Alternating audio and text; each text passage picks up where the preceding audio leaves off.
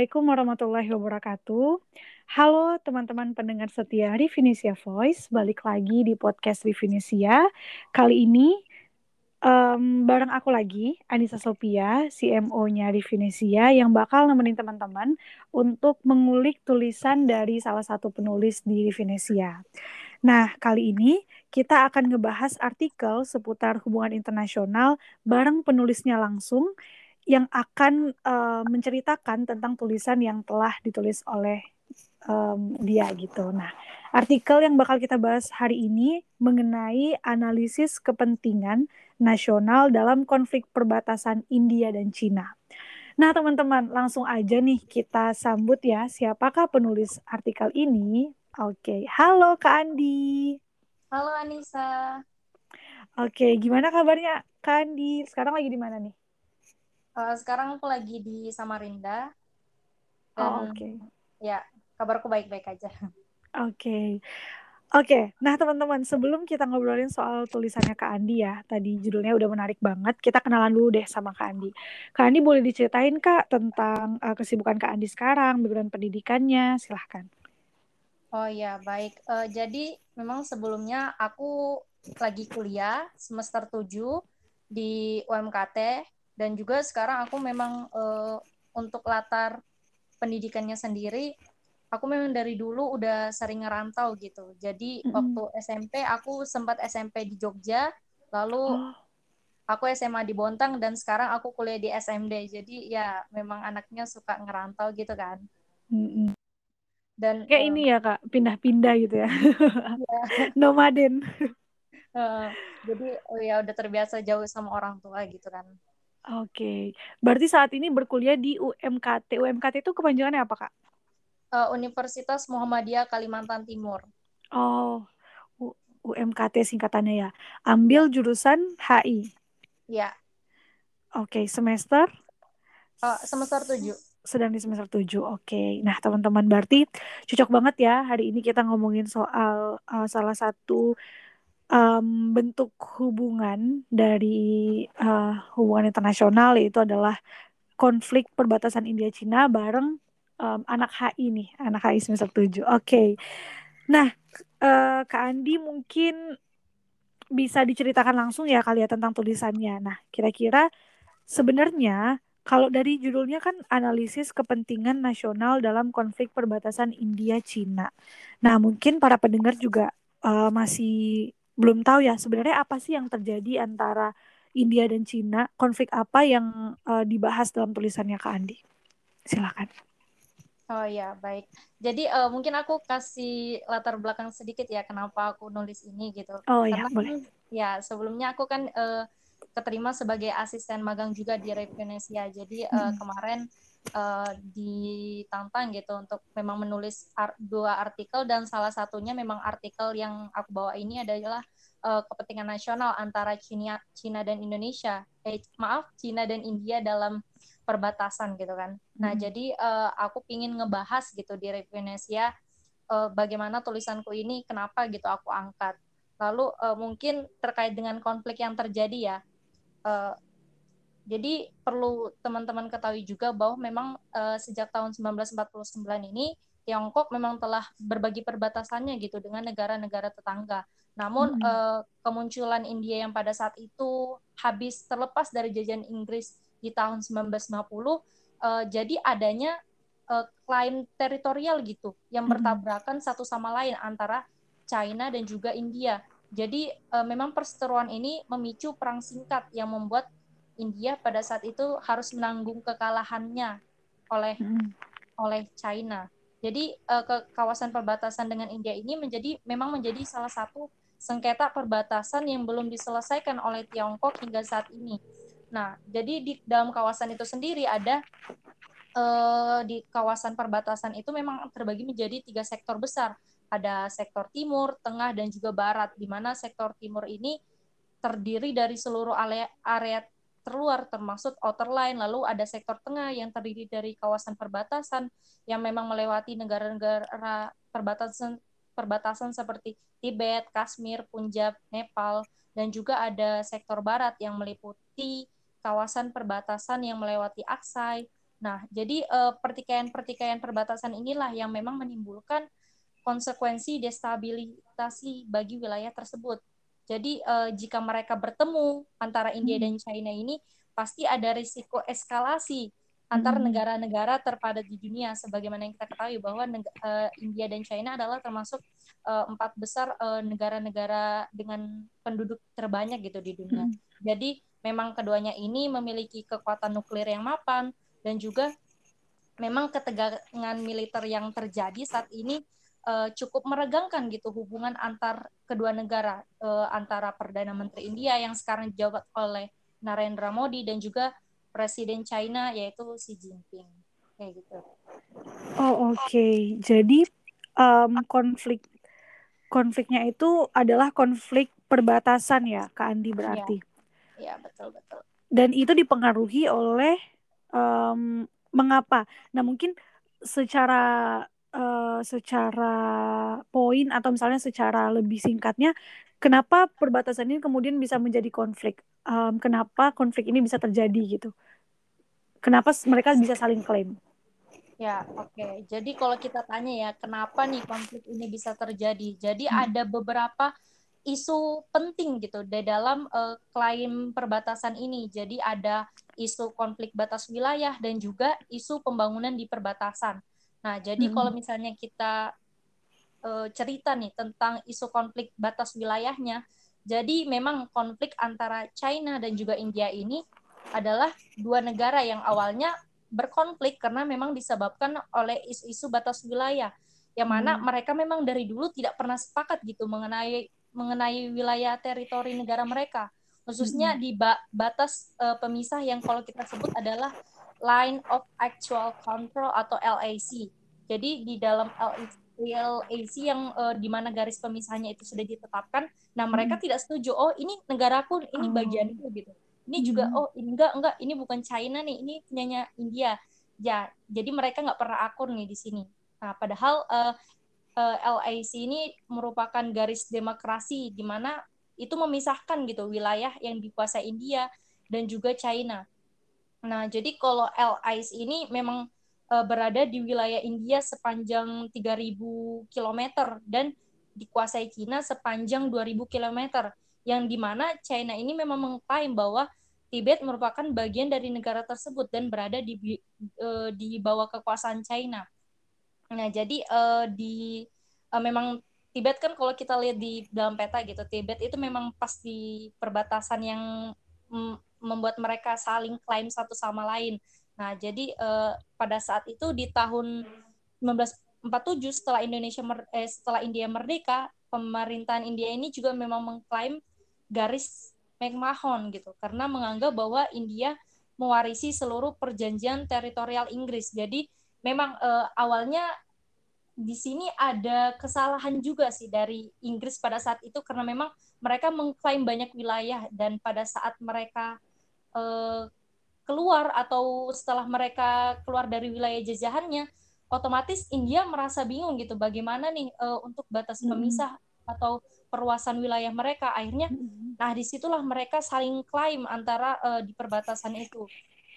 Nah jadi ada keyakinan uh, juga bahwa uh, memang beberapa konvensi yang untuk memisahkan garis perbatasan itu antara China dan juga India itu memang tidak pernah menyetujui dan menandatangani uh, seperti misalnya ada konvensi Simla dan garis McMahon yang diadakan nah mereka tuh nggak pernah setuju gitu antara uh, perjanjian perbatasan. Karena ya itu lagi-lagi uh, mereka menganggap perluasan wilayah itu kan penting. Jadi mereka saling hmm. klaim uh, oh ya sudah ini ini pokoknya harus punyanya India ini harus punyanya China. Jadi uh, soal uh, perluasan atau uh, di perbatasan ini memang sangat rumit ya kalau kita lihat gitu.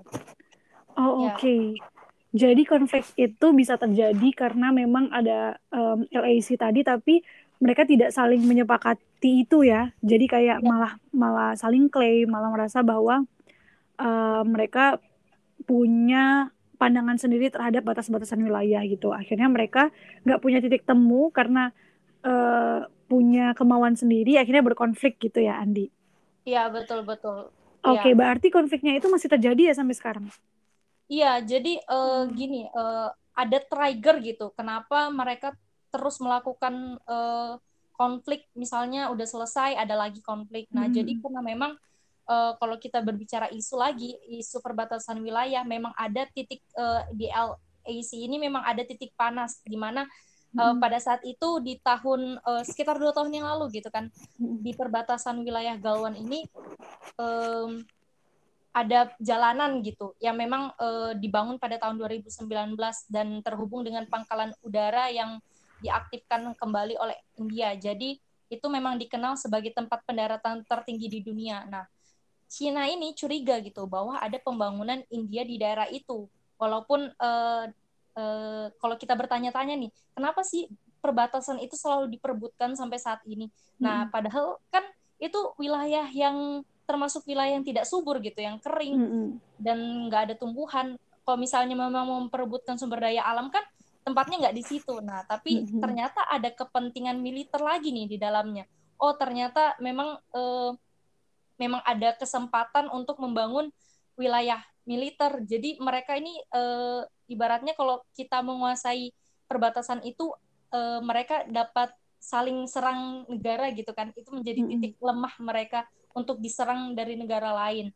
Nah, jadi ya itu menjadi trigger lagi gitu bagi negara-negara ini dan sampai kalau untuk pertanyaannya tadi, nah kenapa eh, apakah masih terjadi? Apakah konflik ini masih terjadi? Iya, sampai saat ini pun masih terjadi gitu walaupun hmm. ada beberapa eh, perjanjian ataupun eh, upaya-upaya penyelesaian sengketa tersebut, tapi ya tetap aja itu eskalasi konfliknya itu hmm. sangat terlihat sampai saat ini. Oh oke, okay. karena ada pemicu-pemicunya tadi ya berarti ya. Iya betul betul. Oke, okay. nah um, tadi kan sempat uh, menurun gitu konfliknya, terus kemudian ada eskalasi lagi. Nah waktu menurun itu apakah ada usaha-usaha yang dilakukan oleh kedua negara ini untuk merespon konflik ini, atau misalnya mereka pernah nggak sih uh, kedua negara ini tuh berusaha untuk menyelesaikan konflik ini gitu? Usaha apa aja udah dilakuin mereka? Ya, jadi uh, setahu saya memang terakhir itu uh, sempat ada beritanya gitu di tahun 2020 uh, itu kan uh, ada eskalasi eskalasi terhadap konflik perbatasan India China lagi. Nah, namun mungkin karena setelah pandemi pandemi datang gitu kan, mm -hmm. uh, apalagi kedua negara ini termasuk negara-negara yang uh, banyak uh, uh, ya termasuk negara dengan penduduk terbanyak gitu kan dan mm -hmm jadi mereka ini lebih fokus pada uh, prioritasnya untuk menangani pandemik. Jadi di situ kita lihat bahwa uh, di wilayah perbatasan ini sempat menurun lah, sempat nggak ada konflik atau serangan terhadap militer dan sebagainya. Tapi ya uh, jadi tapi uh, kita nggak bisa bilang ini selesai gitu karena kan mm -hmm. belum ada memang perjanjian damai benar-benar. Uh, jadi uh, di sini menimbulkan yang namanya uh, negatif peace gitu kan kalau di dalam mm-hmm. hubungan internasional atau perjanjian yang nega eh perdamaian negatif jadi belum ada nggak ada konflik nggak ada apa pun tapi uh, mereka nih masih bisa uh, perang lagi gitu tapi kita nggak tahu kapan sewaktu-waktu bakal meledak nah jadi uh, kalau berbicara lagi bagaimana kedua negara ini menyelesaikan konfliknya uh, jadi pada bulan Februari kemarin itu militer India dan juga China memang sempat menarik pasukannya gitu hmm. dari hmm. daerah danau di dataran tinggi Himalaya yang uh, perbatasan itu diperebutkan. Jadi uh, keputusan ini uh, tentunya negara-negara berpikir bahwa uh, pastinya keputusan ini menjadi terobosan gitu di tengah ketegangan mereka selama hmm. Bertahun-tahun lamanya karena uh, ada muncul pembicaraan damai bagi kedua negara.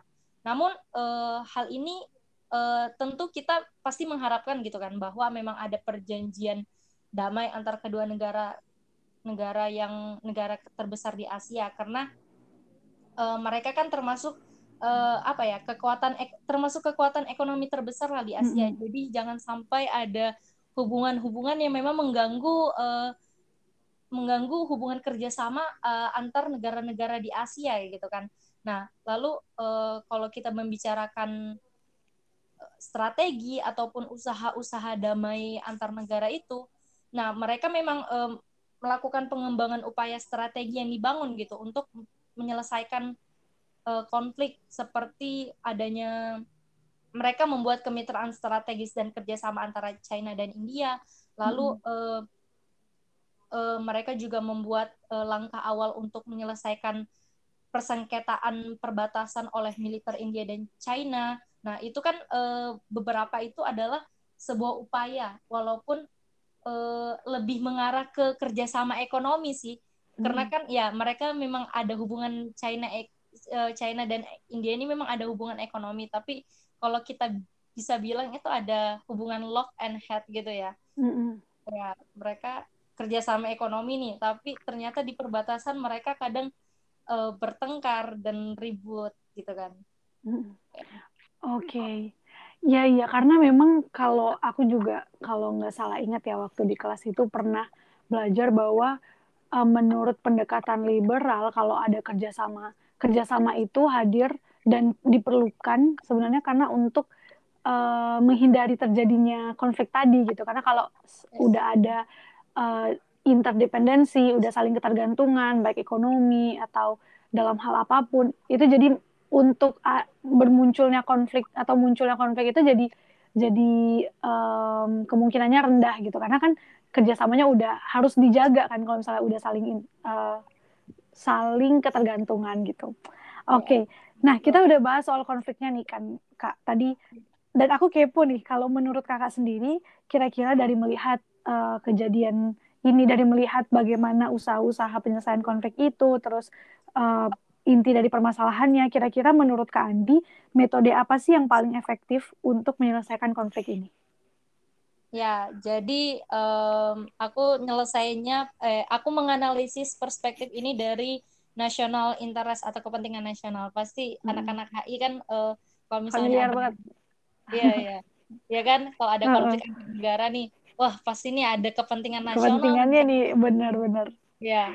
Nah, jadi uh, kalau uh, kita lihat memang uh, mungkin katanya Thomas Hobbes gitu kan, negara-negara hmm. ini memang punya kepentingan makanya akhirnya ada perspektif realisme. Namun uh, hmm. karena uh, negara memang nggak mungkin kan berperang terus akhirnya adanya liberalisme gitu oh ya hmm. kalian kerjasama aja nih gitu kan nah hmm. namun ya itu tadi lucunya di konflik India China nih mereka melakukan uh, yang namanya uh, dalam perspektif liberalisme yaitu kerjasama namun ya mereka juga untuk mempertahankan negaranya satu sama lain ya mereka juga butuh yang namanya konflik gitu kan hmm. untuk perebutan wilayah ya ya jadi uh, kalau dalam perspektif analisis uh, national interest ini dalam konflik India China uh, men, ya itu menjadi acuan gitu mengapa negara ini memang mengalami eskalasi konflik. Jadi komponen vital dalam hal ini termasuk uh, mempertahankan identitas uh, identitasnya lalu juga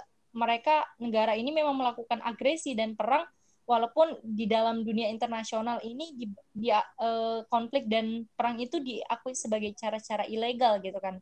Namun uh, hal ini memang terus digunakan oleh negara-negara di dalam hubungan internasional dalam konsep perspektif realisme. Jadi uh, kalau kita berbicara tentang kepentingan nasional, memang negara-negara ini sepenuhnya menyadari gitu pentingnya cara penyelesaian konflik yang damai seperti adanya negosiasi, diplomasi yang dianggap sebagai metode ideal untuk mempromosikan kepentingan nasional mereka.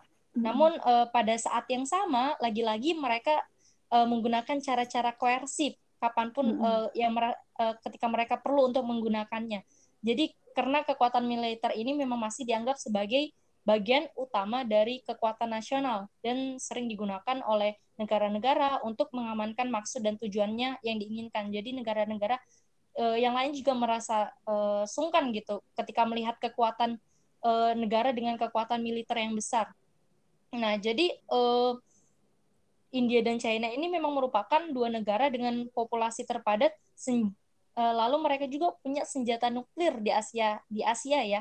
Jadi -hmm. kedua negara ini memang memiliki perbatasan di wilayah pegunungan Himalaya dan mereka baru saja mengalami konflik gitu terhadap perbatasan kedua negara tersebut dan mereka juga punya senjata gitu untuk uh, saling takut uh, saling menakuti satu sama lain dan akhirnya uh, akhirnya mereka berusaha gitu lah untuk uh, apa ya untuk mengukur kekuatan lawan mm-hmm. ya melalui kekuatan militer. Nah, jadi memang uh, kalau kita lihat dari perspektif ini uh, kita dapat penjelasan gitu bahwa wilayah dan perbatasan ini memang adalah bagian penting dari negara yang berdaulat di dalam hubungan internasional.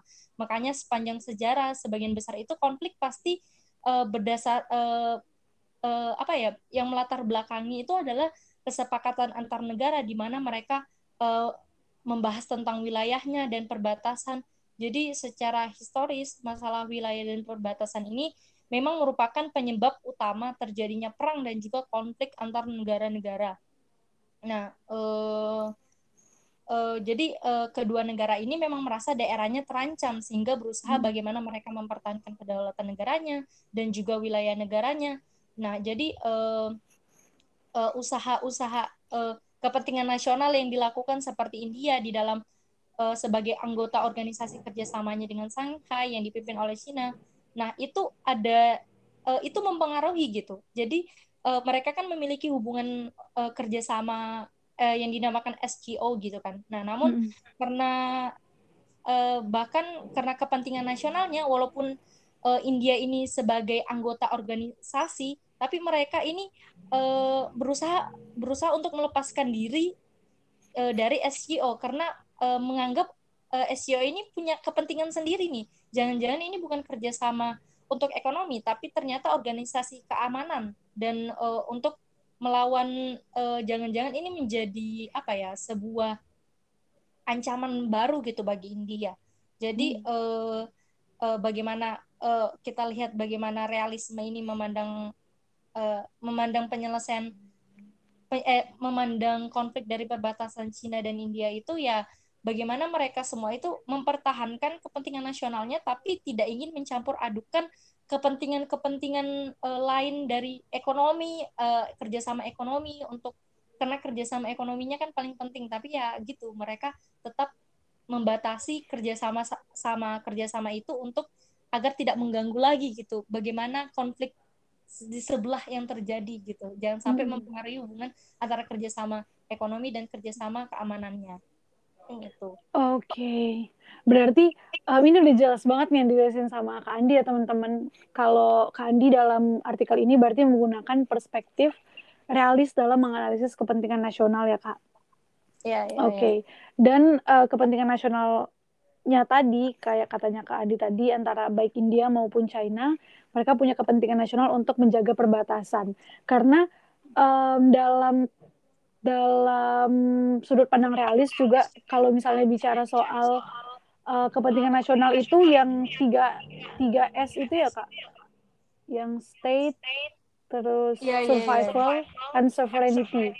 Ya ya nah itu menyangkut menyangkut perbatasan itu ya benar-benar benar banget nah terus um, kalau dari Kak Andi sendiri melihat kira-kira ada nggak sih Kak kemungkinan untuk konflik ini tuh berakhir gitu? Dan ada ada nggak kemungkinan terserah Kak Andi mau lihat dari sudut pandang perspektif realis tetap atau dari sudut pandang yang lain, apakah konflik perbatasan ini akan menemui kesepakatan? Kayak kalau Indonesia kan waktu sama Malaysia kemarin itu akhirnya dibawa ke pengadilan um, internasional gitu kan, Mahkamah Internasional. Nah kalau Kak melihat kira-kira nih dari konflik ini ada nggak ya um, kemungkinan untuk damai itu?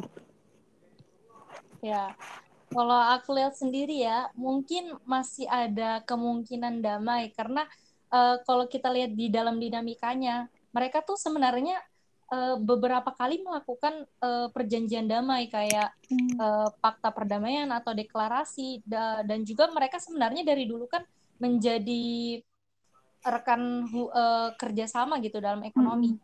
Mungkin ada peluang untuk mereka berdamai, namun uh, seperti misalnya melakukan upaya negosiasi, diplomasi. Nah, tapi yang terpenting antara itu, kalau kita lihat kenapa mereka tidak pernah sepenuhnya damai hingga saat ini dan tidak pernah menghasilkan yang namanya positif peace, itu kan uh, karena mereka memang tidak ada komitmen semangat untuk berdamai. Hmm. Jadi ya itu tadi mereka memang harus memiliki komitmen semangat uh, dan semangat untuk menyelesaikan PR panjang mereka dalam penyelesaian konflik ini. Karena jika dilihat dari sisi sejarah itu mereka banyak sekali upaya-upaya damai namun gagal di tengah jalan. Akhirnya mereka uh, tiba-tiba ada serangan militer lagi dan segala macam. Nah, jadi ya itu negara kedua negara memang harus menunjukkan bagaimana komitmennya gitu untuk benar-benar uh, menetapkan uh, menetapkan uh, perbatasannya dan juga akhirnya selesai mengangkut uh, uh, militer mereka untuk tidak saling serang dan juga uh, negosiasi perdamaian dan juga uh, menandatangani deklarasi damai gitu antara China dan India. Oke, okay, benar banget sih. Memang uh, dalam permasalahan hubungan internasional ini tuh pasti nggak jauh-jauh dari komitmen terhadap perjanjian yang mereka buat ya kak. Karena kadang-kadang perjanjian itu udah dibuat atau bahkan udah negosiasi, tapi pada akhirnya um, ada aja tuh satu pihak yang melakukan tindakan-tindakan di luar perjanjian itu terus mengakibatkan negosiasinya semakin lama lagi gitu kan. Akhirnya mulai lagi dari awal perjanjiannya benar-benar banget. Oh iya hmm. tadi mungkin aku ada salah sebut deh kayaknya kak. Uh, untuk klarifikasi aja teman-teman menurut pandangan hmm. realis tadi uh, salah satu kepentingan nasional itu ada 3S nah 3S itu tadi aku nyebutinnya state sovereignty sama survival. Tapi yang benar adalah uh, eh, 3S itu adalah survival, sovereignty, dan security. Sebenarnya tiga-tiganya ini sama-sama ngomongin soal keamanan ya kak, ngomongin soal batas yeah. negara, soal status negara kayak gitu. Oke, okay. oke okay, teman-teman keren banget nih yang udah dijelasin sama kak Andi tadi.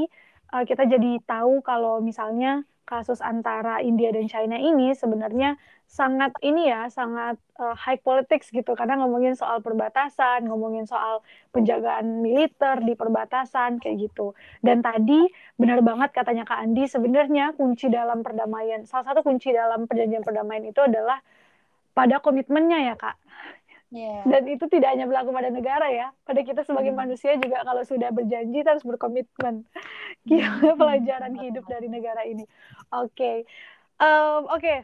Wow, nggak terasa udah mau 30 menit ya Kak obrolan kita dan mungkin kita hmm. berada di penghujung diskusi mengenai artikel yang Kak Andi tulis. Nah, uh, terakhir mungkin Kak Andi ada closing narasi atau uh, menyampaikan kesimpulan dari tulisan Kak Andi tadi dan mungkin juga bisa disisipkan refleksi apa sih yang Indonesia bisa pelajari dari uh, dinamika konflik antara India dan China ini. Silakan Kak.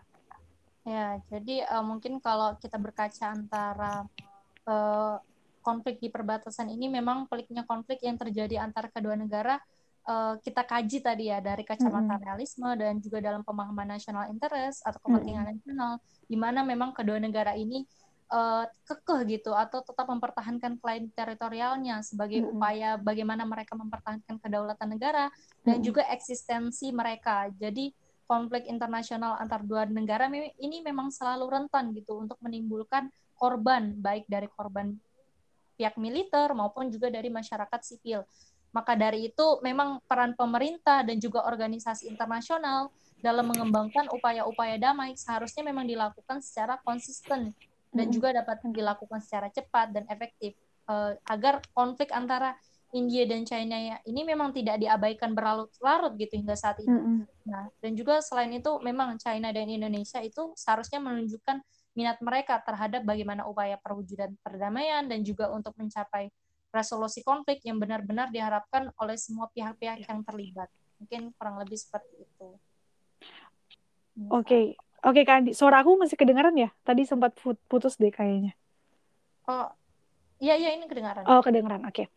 Oke, okay, oke okay, teman-teman, keren banget tadi ya kesimpulan dari Kak Andi uh, tentang refleksi yang Indonesia dapatkan dan juga kayak kita kita bisa melihat nih bahwa sebenarnya di mana-mana yang namanya konflik itu merugikan ya kak. Walaupun kita memperjuangkan nasional interest kita tapi sebisa mungkin nasional interest kita itu disampaikan dalam hal-hal yang baik gitu. Jangan sampai malah menyakiti pihak lain atau malah uh, membuat kenyamanan dari pihak lain itu terganggu gitu. Oke, okay, menarik banget ya topik kita pada hari ini ngomongin konflik dan perdamaian. Uh, baiklah teman-teman, kita berakhir di kita uh, telah selesai membahas tentang artikel yang ditulis oleh Kak Andi. Terima kasih banyak Kak Andi sudah bersedia ya. untuk sharing artikelnya. Ya. Siap, sama-sama kakak. Dan uh, semoga teman-teman enjoy ya ngedengerin uh, sharing-sharing Kak Andi tadi seputar artikel yang sudah dituliskan. Dan jangan lupa teman-teman kalau ingin stay update sama berita-berita dan tulisan-tulisan seputar hubungan internasional untuk langsung kunjungin website kita di definisia.com. Nah, Uh, saya mewakili tim Rivenesia, pamit um-, undur diri. Terima kasih Kak Andi sudah bersedia untuk sharing. Uh, mohon maaf teman-teman kalau selama pembawaan kita ada salahnya. Dan sampai berjumpa di podcast selanjutnya. Terima kasih. Wassalamualaikum warahmatullahi wabarakatuh. Okay.